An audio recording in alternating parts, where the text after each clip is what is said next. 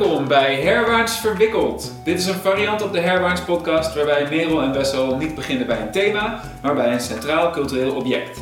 Vanuit daaruit bekijken we verbanden met andere culturele objecten om een intertextueel web te weven en daarmee het centrale object te onderzoeken. Je wordt ingewikkeld geprikkeld in Herwaarts Verwikkeld. Contact, vragen of suggesties voor een thema kunnen via podcast.herwaarts.nl. En het object van vandaag is Sherlock Holmes.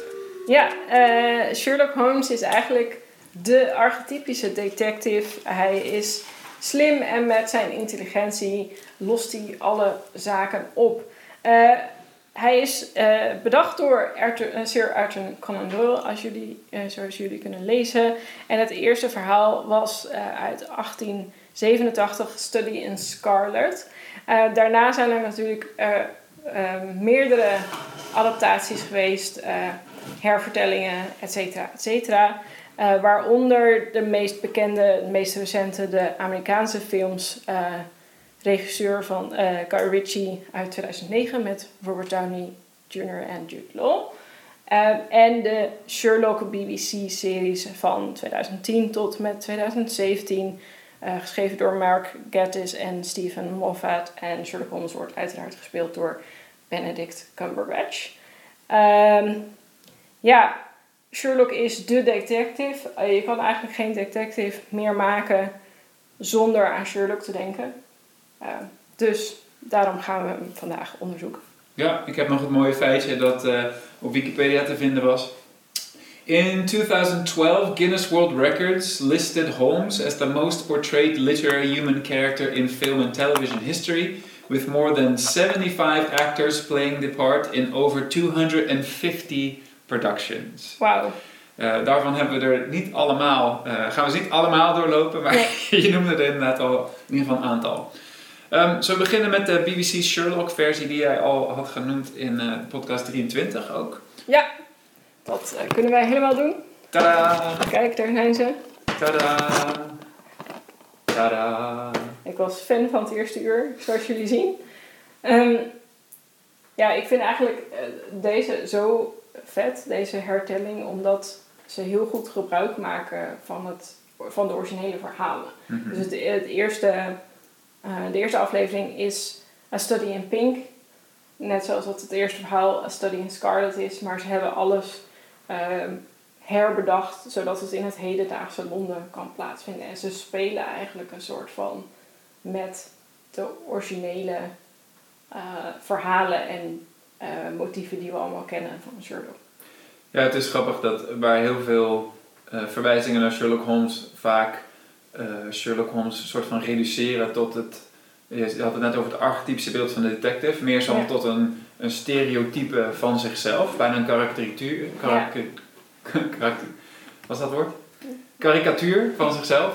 Um, uh, lijkt deze versie daadwerkelijk een stap willen zetten weg van hoe het verhaal er altijd uitziet, maar wel op een manier die uh, uh, leent en interacteert met de vorige versie. We hebben natuurlijk ook een aflevering gemaakt over moderne hervertellingen en daarin kwamen we heel erg tot de conclusie dat als je het alleen maar doet om een bepaalde soort kijker te trekken of een, een fanbase aan te spreken, dat er dan meestal heel weinig gebeurt en dat dat ook ja. niet toevoegt. Maar juist als je iets in een nieuw medium plaatst, kan het ook kansen opleveren. En Sherlock is wat mij betreft daar inderdaad ook een goed voorbeeld met de muziek. Uh, en de, de tekstdingen die in beeld komen als hij aan het analyseren is ja. en zulke soort dingen. Dat was volgens mij een van de eerste uh, cinematografie, zo, cinematografie die dat deed. Ja. Teksten in beeld brengen. Ja, ja en ook heel uh, waardevol. Niet als een gimmick, maar dat ja. het ook echt zin heeft. Ja. ja. Als ik het vergelijk met die andere films van Guy Ritchie, die moet je dan eens eventjes hier op een dingetje plakken, daarnaast. Die maken ook heel erg gebruik van muziek en film, dus die hebben ook um, mooie motieven. Alleen het verschil uh, daarbij is natuurlijk heel erg dat het in de toon heel anders is. Maar een van mijn Heet favoriete... eigenlijk ook gewoon Sherlock Holmes? Ja, ja. ja, ja er is ook nog een deel 2 van. Um, de, mijn favoriete onderdeel misschien daarvan, uh, nou, één favoriet. Ik denk dat de, de interactie tussen de twee uh, hoofdrolspelers, daar zit gewoon heel veel uh, vaart in en heel veel humor. Um, maar één heel uh, tof ding daarin is ook de Holmes Vision. hebben ze dat informeel genoemd. waarbij de, we eh, in een gevecht al zien wat Sherlock Holmes van plan is te gaan doen. Mm. eh, in slow motion, omdat hij natuurlijk alles vooruit plant en eh, eh, heel goed weet wat hij aan het doen is en alles berekent van tevoren. En dan daarna voert hij het op normaal tempo uit, maar dan zou je het nooit bij kunnen houden als kijker.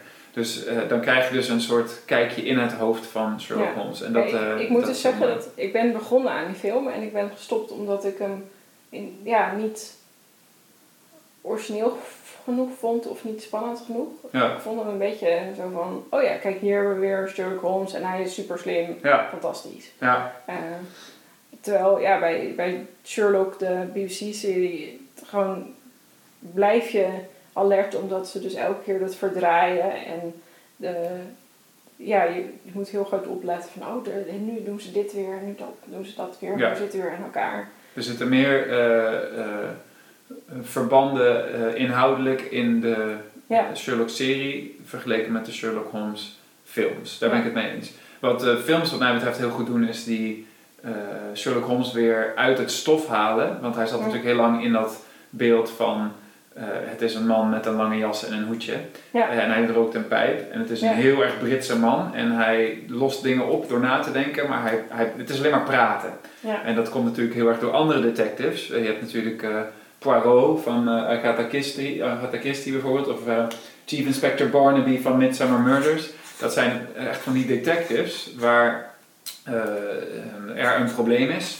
En de enige actie die er gebeurt is vooral in het hoofd. En in het, aan het eind heb je de onthulling. Ja. Ehm, terwijl de Sherlock Holmes verhalen eh, van Sir Edwin Conan Doyle in de oorspronkelijke eh, context zijn heel erg...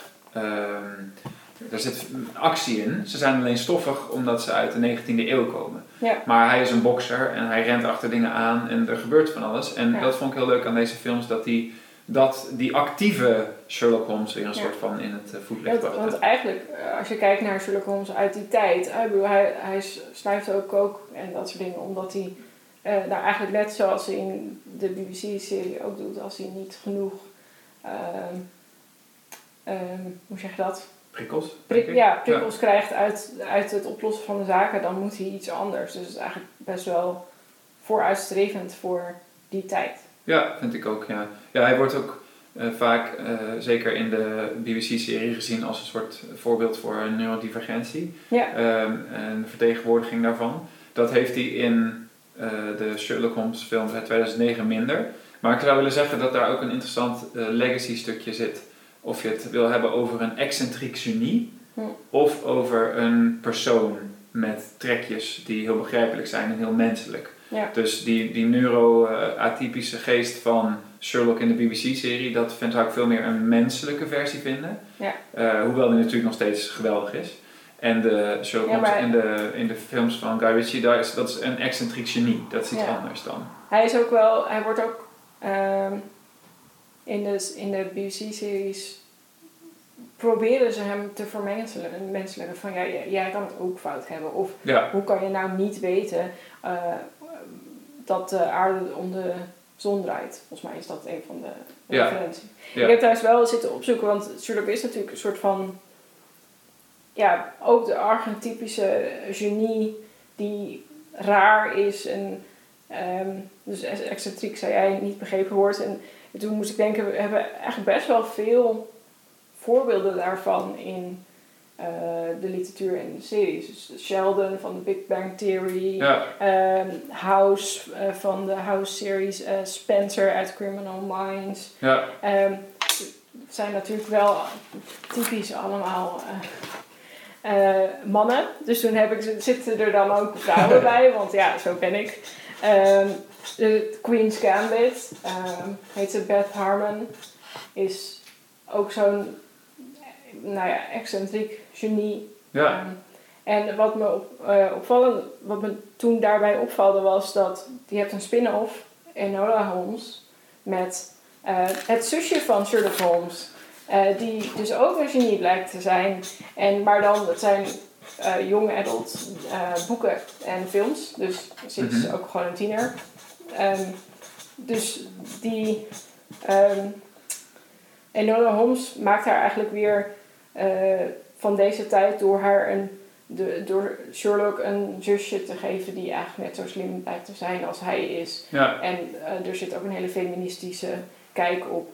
Eh, en ehm, toen moest ik denken dat Sherlock de serie eindigt met Uriel's Holmes, wat de zus is van Mycroft en Sherlock. En die eigenlijk blijkt nog veel slimmer te zijn dan zowel Mycroft als Sherlock, maar ook gewoon gestoord omdat ze zo slim is. Eigenlijk. ja, Dat ze echt niet meer eh, zich in de samenleving kan, eh, tot de samenleving kan verhouden. ja. ja, dat is een interessant eh, terugkerend thema zou ik inderdaad ook zeggen. Die, Ja, de, het idee dat Sherlock en Minecraft ook dus maar zo slim zijn dat ze eigenlijk niet passen in hoe de samenleving werkt. ja, En daar heb je dan natuurlijk ook de Watson voor nodig. Dat is ook een heel mooi trope van je hebt iemand nodig die het genie kan vertalen voor het publiek. ja, En eh, meestal is de Watson dus ook een veel sympathiekere en veel eh, herkenbaarder down, figuur. down to earth. Ja, down Ja. to earth. En die, die kan dan de vragen stellen van, huh, maar hoe weet je dat dan? En dan Ja. kan het uitgelegd worden. Ja, Ehm, maar er zit ook iets heel tragisch in dat eh, niemand eigenlijk om Sherlock heen Sherlock begrijpt, behalve dan Watson.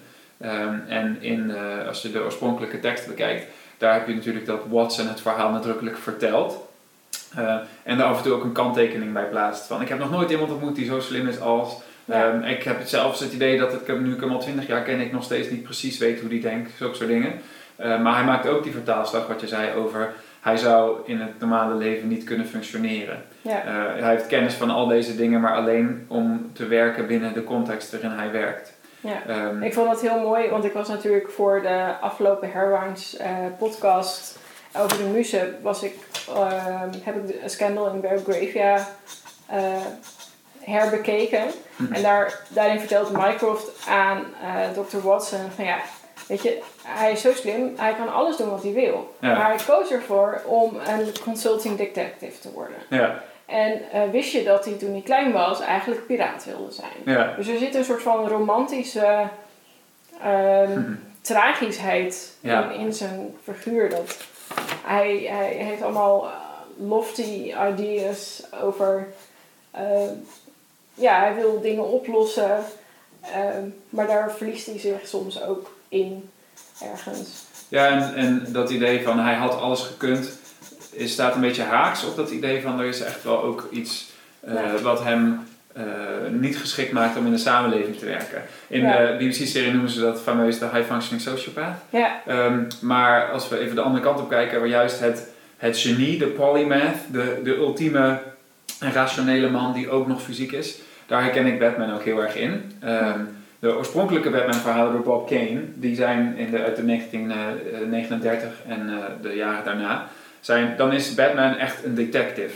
Eh, en er zijn veel meer scènes waarin hij gewoon thuis zit met Robin. En dan kan Mm. Robin dus de Watson zijn die vraagt: ja. Huh? Maar hoe weet je dat dan, Batman? Ja. Eh, en dan, dan leggen ze de clues uit en dan zit er op het einde nog een moment in dat hij de, Joker een vuistslag toebrengt of zo.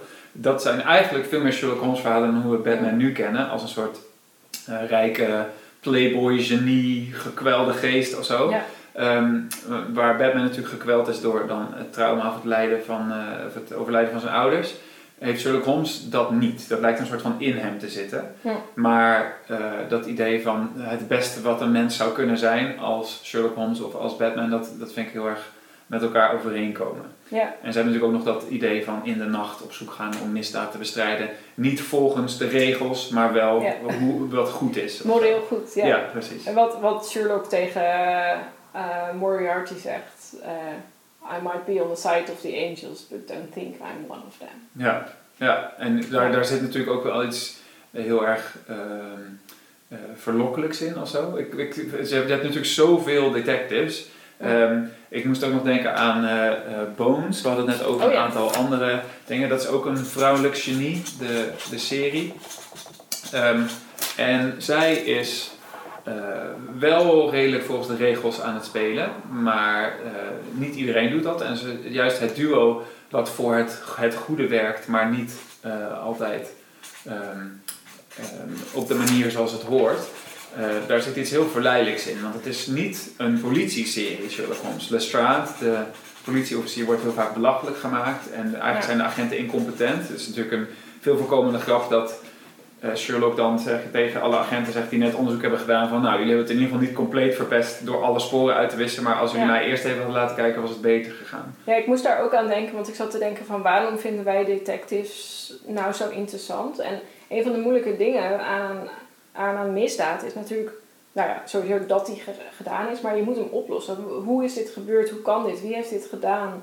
En ehm, eh, het mooie van een, of het, het fijne van een detective, en ik denk waarom het zo ehm, ehm, Populair is of zo? ja, reassuring Oh, is, is ja. dat, ehm, dat die altijd wordt opgelost. En Sh- Sherlock kan alles oplossen, dat is een beetje zijn ding. En, Ja. ehm, vaak, eh, ik kijk ook wel eens eh, true crime eh, detectives en zeker de Amerikaanse laten voornamelijk zien hoe slecht het politiesysteem in elkaar zit. Ja. En dat ze soort van hopeloos zijn tegenover ehm, de criminelen die erover zitten. En maar Sherlock komt eigenlijk een beetje uit het begin van de detective Ja. eh, hits. Want eh, er wordt wel eens gezegd dat eh, Murders in the Rue Morgue van Edgar Allan Poe de originele detective is. Dat Mhm. is als je echt historisch gaat kijken niet helemaal waar, want er zijn natuurlijk al eerdere eh, verhalen. Maar Sherlock Holmes is wel degelijk enorm geïnspireerd door Murders in the Rue Morgue, want daar heb je, even kijken hoe die heet hoor, eh, Auguste Dupin Mhm. ehm, is de eccentric and brilliant detective. Hm. En eh, ik ging Murders in the Rue Morgue even nalezen. En dat begint ook, het begint eerst met een soort van theoretische verhandeling over eh, analyse en in hoeverre dat eh, eh, wel of niet compatible is met het imaginaire of het inventieve. Mhm. Ehm, en dan kom je er later achter dat dat wordt verteld door een beetje de sidekick van Auguste Dupin, die Ja. toevallig ook nog eens met hem samen gaat wonen. Ja. En het eerste, ehm, wanneer je hem echt gaat leren kennen, Dupin, dan ehm, heeft hij inderdaad een deductie over eh, de sidekick. En dan zegt de sidekick, maar hoe weet je dat dan? en nou, dus het is, het is gewoon Sherlock Holmes. Be- Behalve dat het van Edgar Allan Poe is. Ja, interessant wel. Ja. ja, want ik las ook dat er wel meer eh, detectives waren in deze tijd, maar dat eh, Sherlock Holmes echt de, bij ver, verreweg de populairste naam is blijven hangen. Ik wil even, Ja. omdat jij het woord deductie gebruikt, daar even Ja. op inhaken. Logisch gezien, eh, ook al maakt Sherlock Holmes altijd deducties, maakt hij geen deducties, dus dat moet af en toe even rechtgezet worden. Oh, Deduceren is namelijk dat je feiten op een rij zet en dus een logische waarheid kan eh, vaststellen. Dus je Ja. zegt, eh, Sherlock Holmes is een mens, mensen, sterven, mensen zijn sterfelijk, dus Sherlock Holmes is sterfelijk. Dat is niet wat Sherlock Holmes doet. Sherlock Holmes maakt een theorie gebaseerd op de meeste feiten die hij heeft en dan kiest hij wat zou de meest waarschijnlijke theorie zijn. Eh, dat heet abductie, voor het geval mensen dat eh, willen weten. dat wil ik weten. Mooi zo. Ja. Abductie. Dat vind ik ook een van de interessante aan detectives en zeker aan Sherlock Holmes. Is, het, is, het is een soort van puzzel.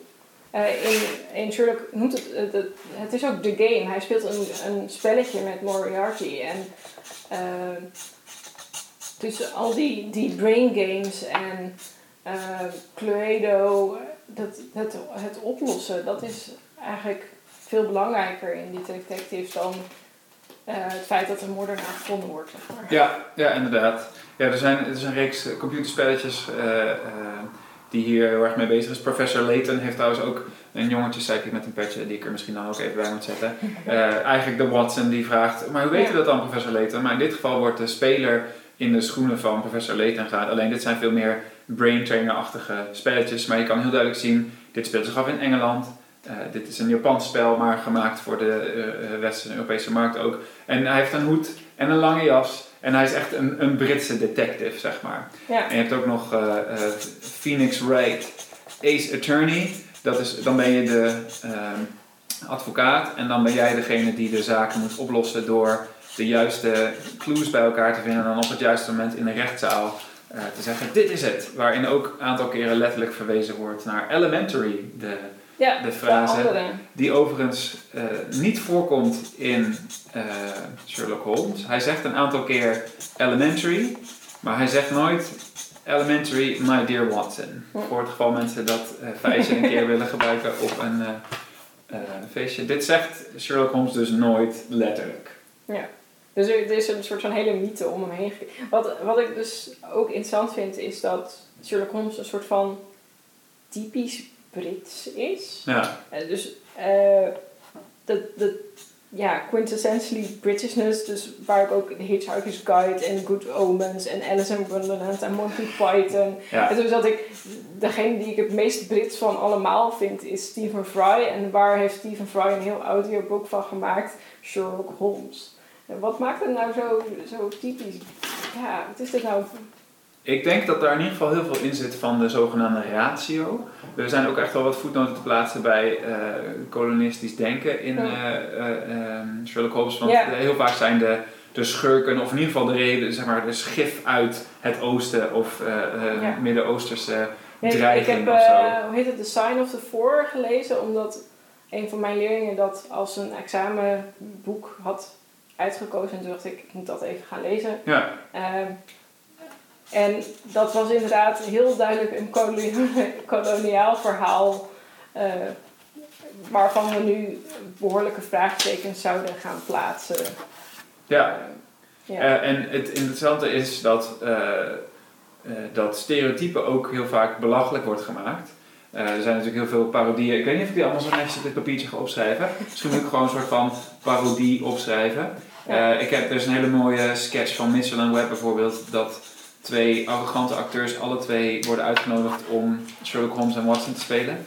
Ehm, maar ze, ze, kunnen niet eens worden wie Sherlock en wie ehm, ehm, Watson wordt. En dus eh, kiezen ze ervoor om eh om's de beurt elke avond in het theater de rol te wisselen. En later gaan ze dat zelfs knippen in een tv-serie waarin ze scène na scène wisselen. Ja. Zodat er dus een soort van, oh Watson is dom en oh Sherlock is slim zit.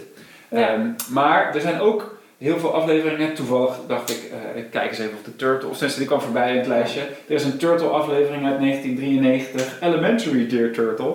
Waarin ze terugreizen in de tijd en eh, nou ja, echt de, de platste aflevering die ik ooit gezien heb van iets. Ehm, maar er zit dus een hele suffige, heel Britse, eh, eh, heel slecht Ja. eh, Amerikaanse versie van Brits Sherlock in, die ze dan na gaan doen. En dan hebben ze ook een onderzoek, hebben ze allemaal lange jassen aan en zo, van die, van die hoeden ook.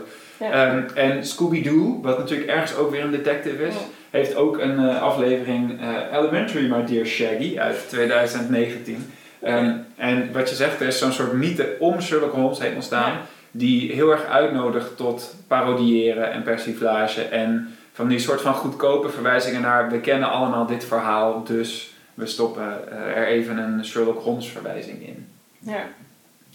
Denk je trouwens dat er een eh, verband is tussen eh, James Bond en Hmm. eh, Sherlock Holmes? Nou ja, het is natuurlijk wel, James Bond is weer echt typisch Amerikaans. De films zou ik niet zeggen. ja. Hij is natuurlijk een Britse eh, geheim agent. Ja, maar dus, de, nou oké, sorry, eh, ik zeg het even verkeerd, maar ik bedoel, het is meer, de, de, het is meer actie en ehm, we hebben net gezegd dat Sherlock Holmes koloniaal is in sommige dingen, Ja, maar eh, James Bond is expansief. Eh, maar wij, wij beheren de wereld wel eens, Ja. dus wij kunnen dat, wij moeten dat oplossen. Dus Ja. dat bedoel ik met typisch Amerikaans. oh ja. Eh, ja. In dat opzicht van... Imperialistisch eigenlijk dan dus. Ja. ja. Ja, en Sherlock Holmes is wel meer een soort humanist. Hij is ook niet Ja. met de regering. Hij, hij, is, hij is Brits in cultuur, maar niet... Ik ongetwijfeld zegt hij ergens dat hij het wel voor de Queen zou doen, maar tegelijkertijd vind ik hem best wel subversief op heel veel Zeker. manieren. En zou hij dus niet zo snel inderdaad voor Queen for the England zou hij iets doen. Nou, dat, dat zie je heel goed in de Sherlock the BBC-series. Ik ben helemaal fan van Sherlock the BBC-series. Vooral als je dat ja. nog niet doorhaalt. Maar in eh A Scandal in Belgravia, eh dat begint met eh, dat hij door twee security personen wordt gevraagd om mee te gaan. En hij weet niet waar, eh, ze zeggen niet waar hij heen gaat. Mhm. Eh, behalve dat hij natuurlijk weet waar hij heen gaat, want hij kan, eh, wat was het ook weer, abductie doen. Abductie toepassen, ja. inderdaad. Eh, en, maar hij vindt het niet nodig om zich aan te kleden, dus hij gaat naar Buckingham Palace in een laken. Eh, en dat, dat vinden Watson en Sherlock natuurlijk heel grappig. Maar Mycroft die ergert zich er helemaal dood aan. Ja. En wat dan mooi, mooi weer omgekeerd wordt doordat uh, later uh, uh, Irene Adler wel helemaal naakt is en functioneel naakt, zoals we vorige aflevering hebben besproken. um, ik moest ook nog, want Sherlock gaat over serieuze dingen, zou je kunnen zeggen. Moorden, criminele activiteiten. Uh, zeker de BBC-serie gaat ook nog over grote criminele organisaties. Maar Mhm. het blijft een soort van luchtig. En ik moest denken, Luther is ook een Britse detective-serie. Die ik ook heel goed vind. Maar dat is uh, echt een, een serieuze, zware serie. Waar je echt voelt dat er spanning zit. En bij Sherlock heb je dat ook wel, maar het is, het is veel meer, het is veel luchtiger dan, dan je zou denken als je zegt, oh het is een, uh, het gaat over moorden en criminele en Ja. activiteiten. Ja, omdat het heel gaat over die puzzel waarschijnlijk. En het, Ja. zijn, het zijn wel echt twee helden. Ook al zijn ze... eh is Sherlock Holmes wel een goed voorbeeld van een anti-held, denk ik. Omdat hij Ja. ook eh, sociaal gewoon niet goed meekomt. En ook echt wel dingen doet die in het grijze gebied liggen soms. Ja. Ehm, maar hij is wel een held. Ja. En Watson is ook zeker een held. Het zijn ook gewoon twee vrienden die elkaar helpen en elkaar goed begrijpen. Ja. Dat is leuk En- ook en- in die Guy Ritchie film. Ja, en in, in Luther hebben ze dat dus ook. Dat Luther is ook heel slim. Ja. En in, eh, in de eerste aflevering eh, moet hij een moord op twee eh, op een stel oplossen. En de dochter van dat stel is helemaal in shock. Heeft die twee mensen gevonden, of haar ouders heeft ze gevonden. En dan later, hij komt er heel snel achter, Luther, oh, maar zij heeft het gedaan en ze is een spelletje met ons aan het spelen. Ja. Dus eh, zowel Luther als Alice Morgan zijn ook zeer intellectueel. En die gaan ook een soort van eh, partnership aan. Behalve dat het daar dus heel weird is omdat zij een crimineel is. ja. Ehm, en eigenlijk slimmer bijna is dan Luther. Hm. Ja, dat is interessant als je het vergelijkt met de arch nemesis. Want als Sherlock Holmes de, de ultieme detective is, dan is eh, professor Moriarty natuurlijk Ja. de ultieme eh, persoon in de schaduw, de criminal mastermind, zeg maar. Ja. Eh, die wordt ook veel gebruikt en hergebruikt. Ik wil de League of Extraordinary Gentlemen nog even noemen. Dat is sowieso een soort eh, een reconstructie, deconstructie van alle 19e eeuwse Britse verhalen. Dus er zit, eh, eh, er zit een jager in uit de verhalenserie over die jager. Je hebt Jekyll and Hyde, je hebt ehm, The Invisible Man, H.G. Wells. Allemaal dingen zitten daarin. Ehm, hier hebben we een flits, de eerste moment dat professor Moriarty erachter blijkt te zitten. Met een rode sjaal en een prachtige hoed. Maar eerst nog onzichtbaar, want dat is natuurlijk altijd zijn rol. Hij is degene die vanuit de schaduw opereert. Ehm, en dan uiteindelijk hier komt hij wel zichtbaar. Allemaal geweld en ellende krijgen we nu te zien.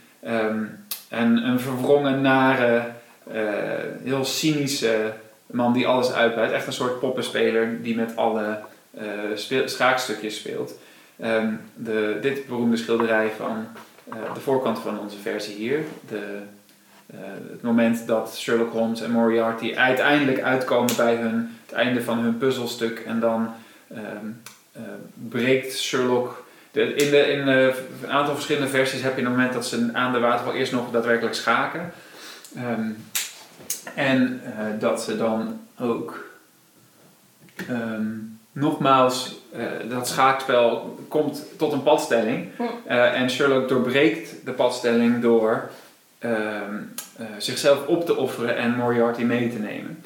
En dan heel vaak in de nieuwe verhalen of de spin-offs of zo moet Moriarty natuurlijk dat overleefd hebben. Dat is in ieder geval in eh, dit boek ook bijvoorbeeld zo. Ja. Ehm, dat, dat Sherlock half dood is, maar eh, Moriarty nog niet, dat hij dat overleeft. Maar misschien is Sherlock toch ook wel weer nog in staat om terug te komen of zo. Er blijft natuurlijk altijd de hoop dat hij nog drie stappen verder denkt dan wij allemaal dachten dat hij Ja. had gedacht. En wat natuurlijk weer spelen is met dat bijna soapy van... Oh, hij gaat dood. Ja. Maar uiteindelijk is hij toch niet dood. En nou ja, Precies, hoe, je dat, hoe je dat op een goede manier moet doen, zodat wij dat geloven, is eh, best wel moeilijk. Ja, Eh, ja. Daar spelen ze ook weer mee in de Sherlock-serie. Dat er, ehm, hoe heet die man nou? De, eh, de coroner.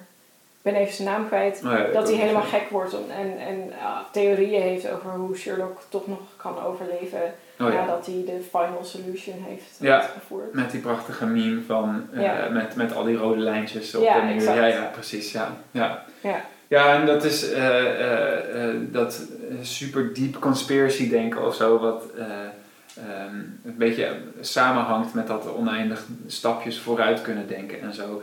Eh, je hebt natuurlijk het idee van 4D chess, dat is ook zo'n, dat is, daar is Sherlock Holmes wel de, de grondlegger van natuurlijk. Dat hij al drie stappen vooruit heeft gedacht en mensen nog in de waan laat, eh, samen met professor Moriarty natuurlijk. Ja. Ja. Ik zat ook nog te denken, een van de redenen waarom dit zo populair is, is niet alleen omdat het populair is voor het publiek en de lezers, maar ook voor schrijvers. Want je voelt ze natuurlijk heel slim als je van tevoren zulke soort dingen kunt bedenken. Ik denk dat ook zulke soort Ja. puzzels heel leuk zijn om te schrijven. Ja. Eh, en dus te bedenken van, oké, hoe kan ik ervoor zorgen dat Sherlock Holmes aan iemand die binnenloopt al kan zien dat hij, een, eh, dat hij heeft gevochten in de Afghaanse oorlog bijvoorbeeld. Ja. Ehm, maar de modernere versies van Sherlock Holmes gaan bijna niet meer over, of in ieder geval de, de varianten erop gaan bijna niet meer over het moordraadsel, wat wij hier nog niet hoeven op te lossen, maar meer over het raadsel van hoe ziet Sherlock dat? Of hoe, hoe is Sherlock deze keer weer gebruikt? Als voorbeeld daarvan wilde ik eh eh, A Study in Emerald, nee wacht, is het de Story? Story in Emerald noemen van eh, Neil Gaiman. Ehm, waar een mix ontstaat tussen ehm, eh, de Cthulhu, ehm, Lovecraftian universe van H.P. Lovecraft en Sherlock Holmes. Waarbij de, het, mysterie wat er gaande is helemaal niet eh, aan de orde is voor de lezer om op te lossen. We moeten de moord helemaal niet oplossen. Wat we aan het oplossen zijn is, huh, wat voor een parallel universum is dit? Wie is Sherlock in deze wereld? Is dit Sherlock wel? Hoe werkt dit samen? Ja. Ehm, waardoor je dus niet het, het moordmysterie centraal hebt staan, maar een soort van de herbewerking van Sherlock Holmes als het nieuwe mysterie van de tekst eh plaatst. ja. En dat zou je bij wel meer van deze kunnen denken. Ik had deze er stiekem nog tussen gelegd. The Great Mouse Detective van Disney. Het, het spel is vooral hoe is dit anders en hoe is dit hetzelfde als Sherlock Holmes. Ja. En tot op zekere hoogte kan je dat van de BBC-serie ook wel zeggen. Ja. Natuurlijk is er een spannend raadsel om op te lossen, maar eigenlijk is het vooral, hé hey, grappig, ze hebben dit gebruikt. Oh, en dit hebben ze anders gedaan. Ja. En dat krijg je natuurlijk als Sherlock Holmes als ehm, een archetypisch concept zo bekend is, ook al is het eh, niet helemaal eh, correct bekend. en wordt die vaak eh, verkeerd gequote. Ja. Ehm, dat je daarmee interacteert en niet met eh, het mysterie zelf. Ja, dus eh, nu lossen we eigenlijk niet meer de puzzel op die Sherlock aan het op- oplossen is, maar we lossen de puzzel op van in hoeverre relateert dit, zich tot Sherlock Holmes zoals we hem kennen. Ja, omdat we zoveel versies van Sherlock Holmes hebben gezien. eh, en dingen die geïnspireerd zijn door of juist hem inspireerden of andersom. Dat ehm, als nu het woord Sherlock of het woord Holmes of het woord Sherlock Holmes of Watson ergens voorbij komt. Dan denk ik dat eh, het publiek eh, snel het mysterie van eh, de intertextualiteit eigenlijk oplost. En dat zal niet zo precies zijn, want aan het einde van de aflevering wil je gewoon weten wie de moordenaar was. Ja. Maar ik denk dat de, het raadsel en het plezier zit hem heel erg in het werken met het, het stukje dat Sherlock Holmes is en hoe we daar dan weer steeds nieuwe versies van kunnen maken. Ja. Ja, interessant wel. En eh, is Sherlock, de BBC-serie, dan jouw favoriete? Ja, ik denk het wel. Nou, ja, ik zou het eh, moeilijk kunnen beslissen, denk ik. Ja. Ik, ben- ik ben nu aan het denken, hoe zou, je, hoe zou je nu nog een extra nieuwe versie maken? Hoe kan je dat nog eh, zo adapteren, ja, adapteren dat het nog een keer interessant wordt? Ja, nou, ik zou om te beginnen denk ik de, ehm, de Britsheid er voor een heel groot deel uit willen halen. Eh, en zeker het imperialisme en misschien ook wel de ratio. Ehm, die, dat hij zo eh, de, altijd gelijk heeft, de ultieme ratio heeft. Nou, ja, dat wordt af en toe al wel ondermijnd en zo. Ja. Ehm, die elementen zijn zo verweven met hem dat het eh, dat er dan. Maar goed, tegelijkertijd is natuurlijk altijd het probleem. Als je iets wil herbewerken, kun je bepaalde dingen wel weghalen. Maar als je essentiële dingen weghaalt, dan is het eh, niet meer hetzelfde. Dus dan is het Sherlock Holmes niet meer. En dan wat dat betreft is dat misschien nog wel de vraag wie dan Of wat de essentiële karakters zijn. Hij is Brits, hij is excentriek, Ja. hij is hyperintelligent en hij heeft altijd de oplossing. Ja. Zijn dat, en ja, en, en de Watson dus. De Watson, Die ja. vier elementen, dat, als je die niet hebt, dan is het misschien geen Sherlock meer.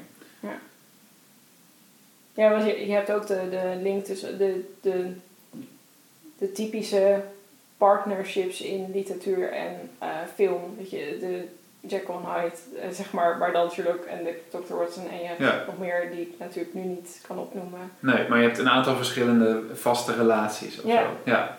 ja, en de- deze is wel heel erg nadrukkelijk. eh, dat die woorden, de, de namen zijn synoniem geworden met de, met de rollen die mensen spelen. Ja. De Sherlock is de eh, hyperintelligente excentriekeling. En de Watson is de brug tussen de excentriekeling en de rest van de wereld. inderdaad. Ja.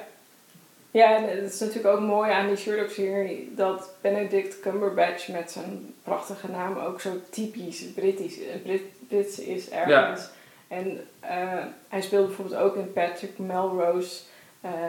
en dat is ook echt een typisch Brits verhaal over een, een, ja, een aristocraat die een soort van afvalt en zo. Dat, ja, dat, dat kan ook echt alleen maar in Engeland, zeg maar. Ja, Eh, Ja, dus die, die, dat is misschien dan toch wel een essentieel element of zo. Ja. Ik denk in ieder geval dat het eh, eh, wel duidelijk is als je nu zo de tafel bekijkt en ons hebt gehoord hoe invloedrijk Sherlock Holmes als karakter is. En hoeveel versies er ook worden bedacht dat het eigenlijk toch wel heel erg overeenkomt allemaal met elkaar. en toch willen we het nog een keer horen. Ja, vaak wel. Ja. Ja. Oké, nou mooi. Dit was Herwaarts Verwikkeld 2 denk ik. Yes. Doei!